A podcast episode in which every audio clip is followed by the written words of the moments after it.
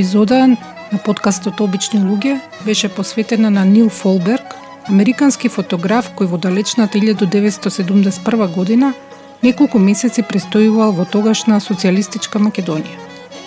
Од тука заминал со 400 ролни филм, прекрасни фотографии на земјата и незините луѓе. Тие неодамна, по дури 50 години, прв пат беа издадени во форма на книга –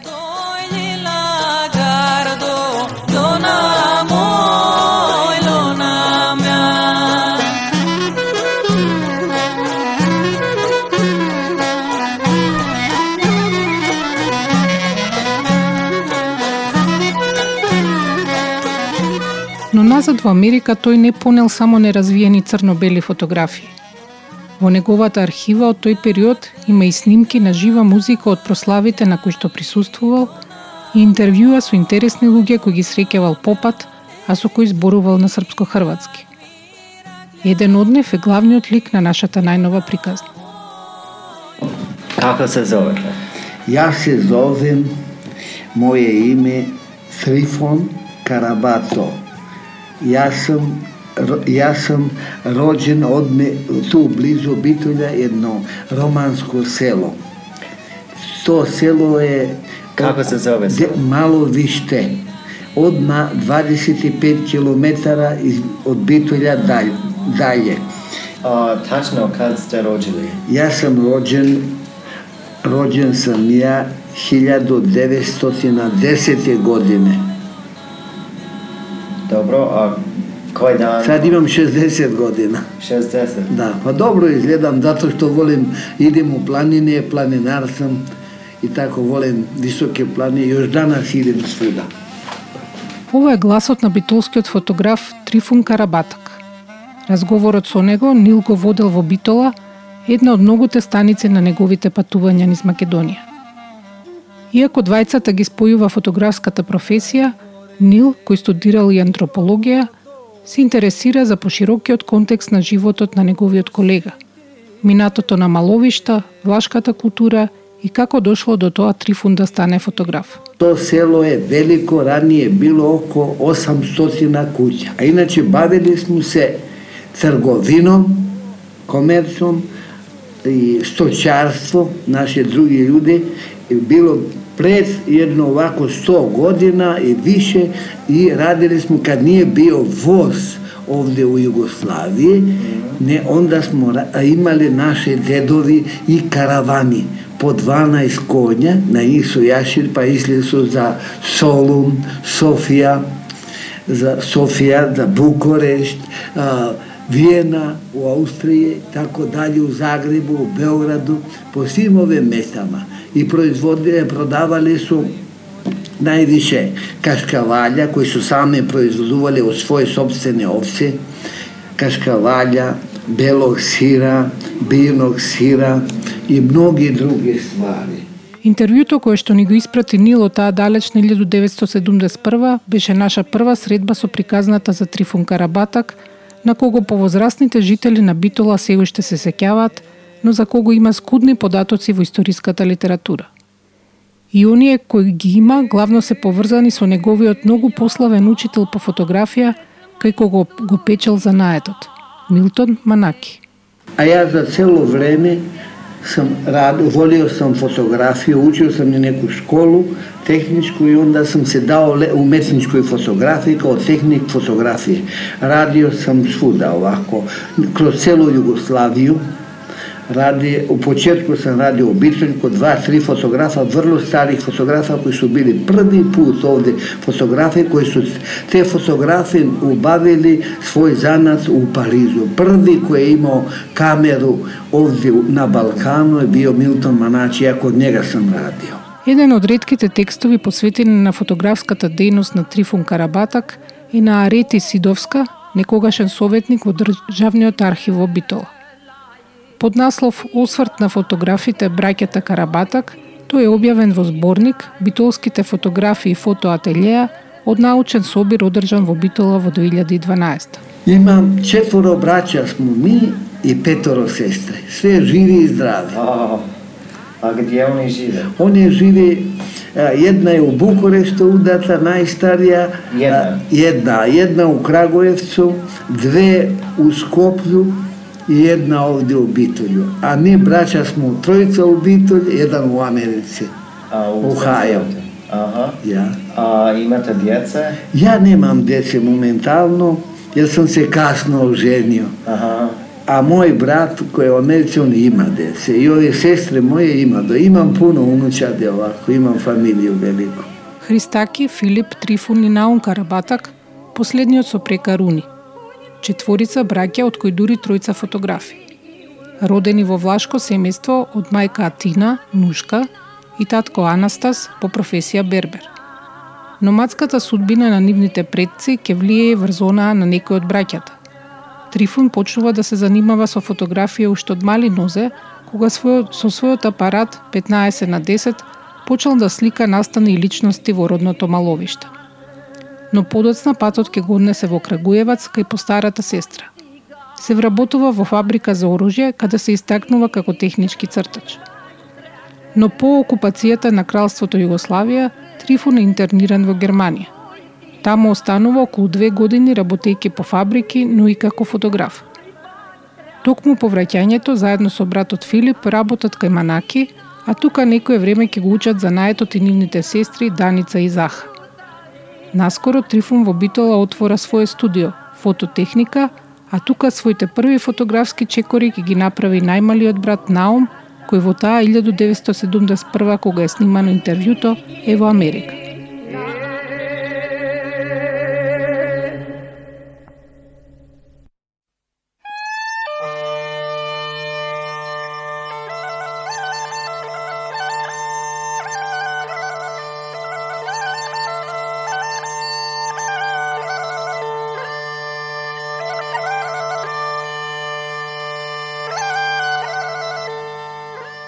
Во потрага по соговорници кои лично ги познавале членовите на семејството Карабатак, наидовме на една нивна блиска роднина. Јас сум овај Лидија Достовска од Битола, вработена во Националната установа Завод и музеј.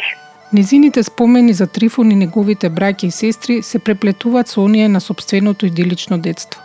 Кога во дворот на семејната куќа имало студена вода од пумпа и се пиеле по 5-6 кафиња на утли дневно со роднините кои често доаѓале на посета и на муабет. Значи, овај Трифун Карабатак,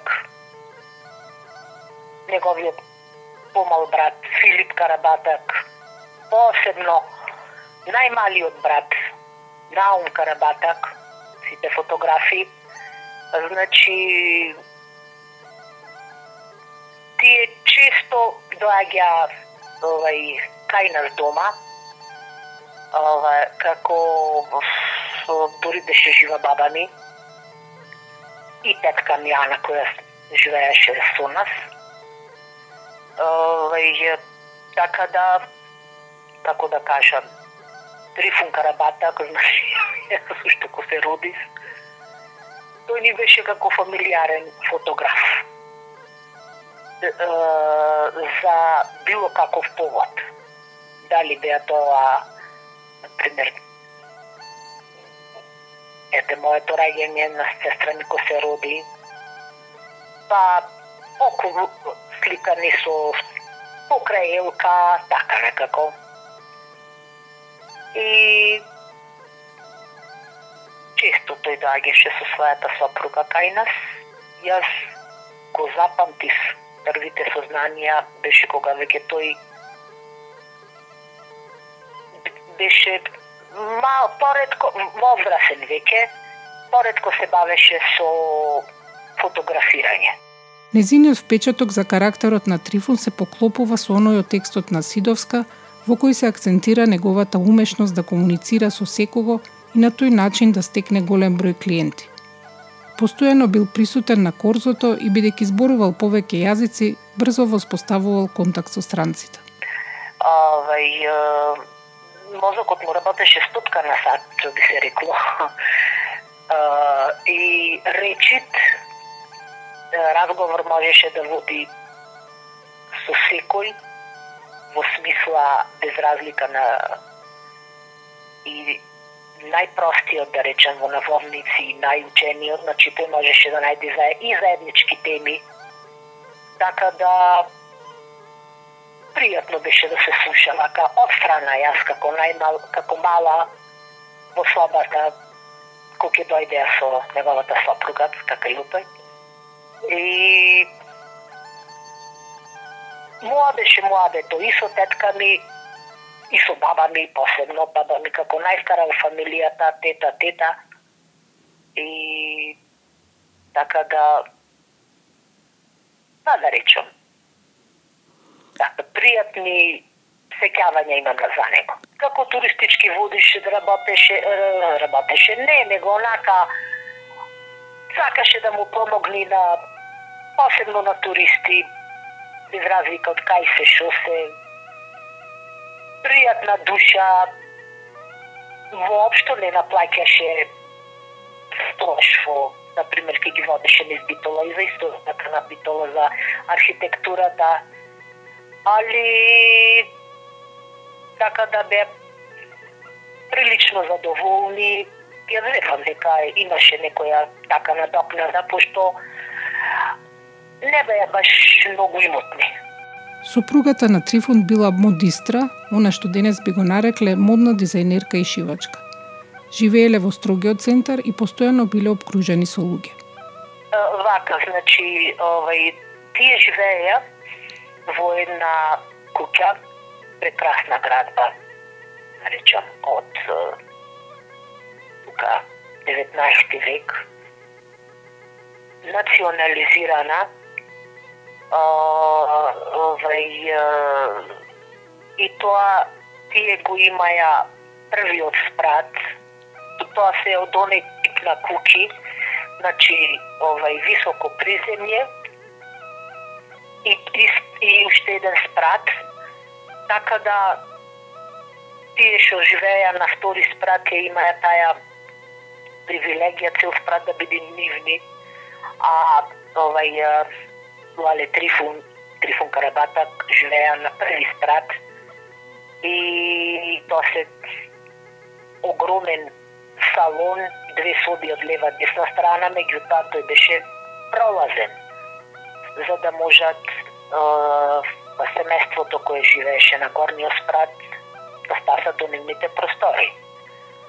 И таму живееја значи во две соби од една страна и две соби од друга страна, се додека не почна онај не се донесе законот за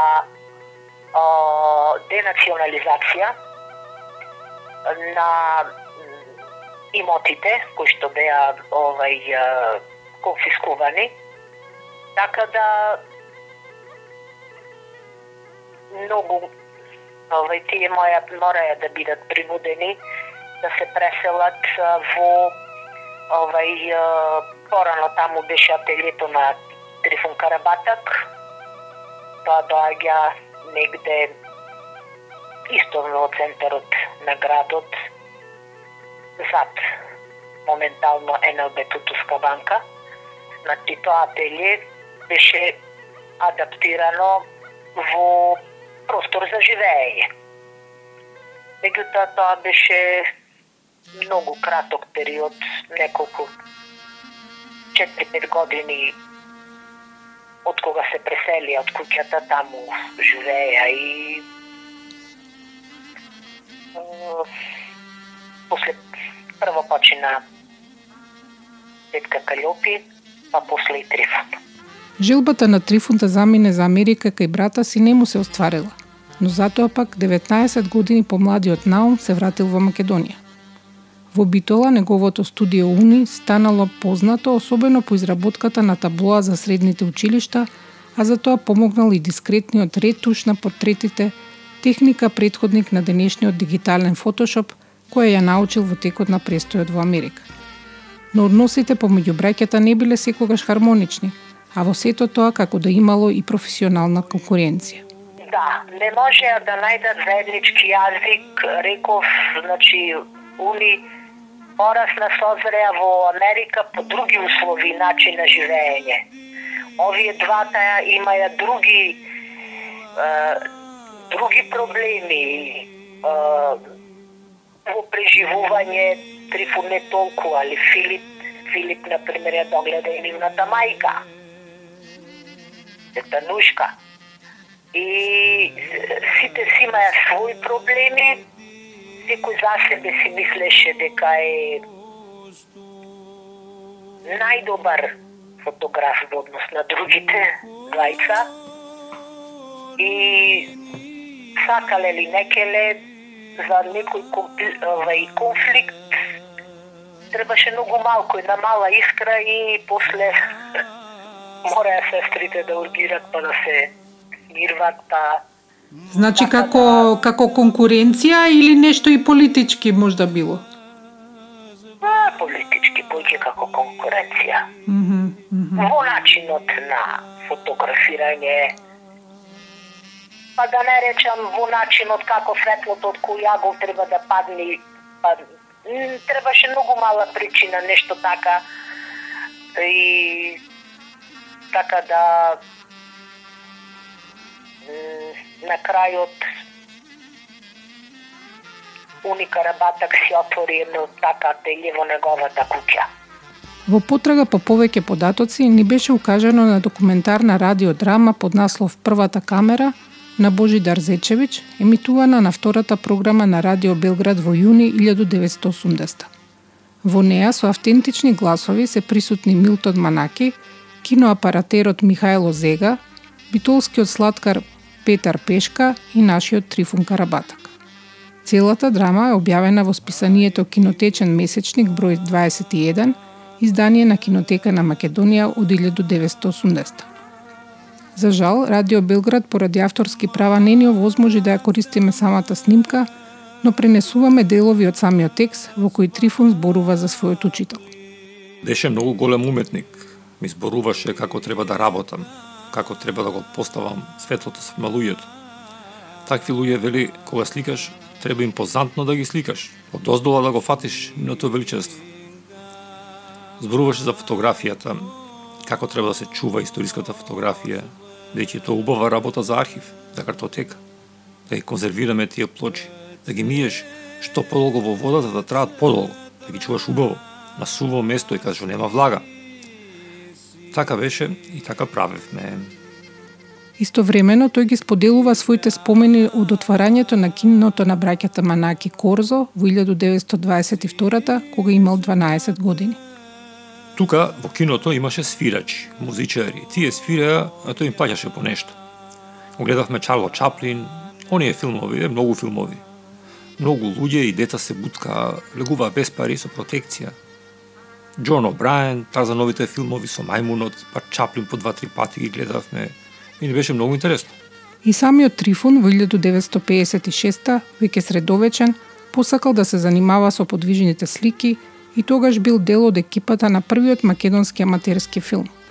Неговиот наслов е Првиот оджак под Пелистер, а е снимен од слушателите на киноаматерскиот курс во Битола, меѓу кои и Трифун. Едночасовниот филм го прикажува целиот технолошки процес во битолската фабрика за кожи Борис Кидрич. Од него е сочувана книгата на снимање, но за жал не и самиот филм. Хајди траси си си зведе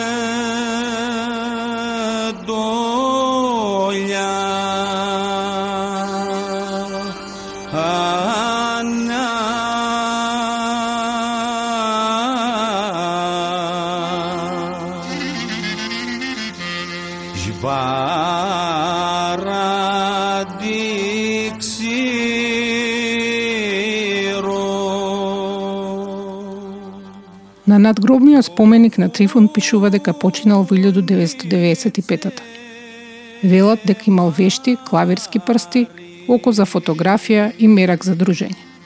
Уште во интервјуто од 1971 се наситува дека е задоволен од својот живот.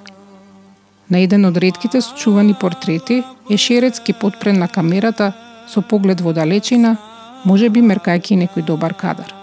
Pred moje cijelo živo uvijek sam fantazio, uvijek sam mislio da budem zdrav, volio sam da idem po svetu, volio sam tako ne, da vidim ljudi, tako mi je bio cilj, da nešto завршим нешто неки занат, ова е исти занат кој сам га имал, водија сам фотоапарати уметнички кој е лепо и фино нешто, да имам своје едно радио, студио, еден да снимам, да правим лепи слики, па сам добро постигал со тоа.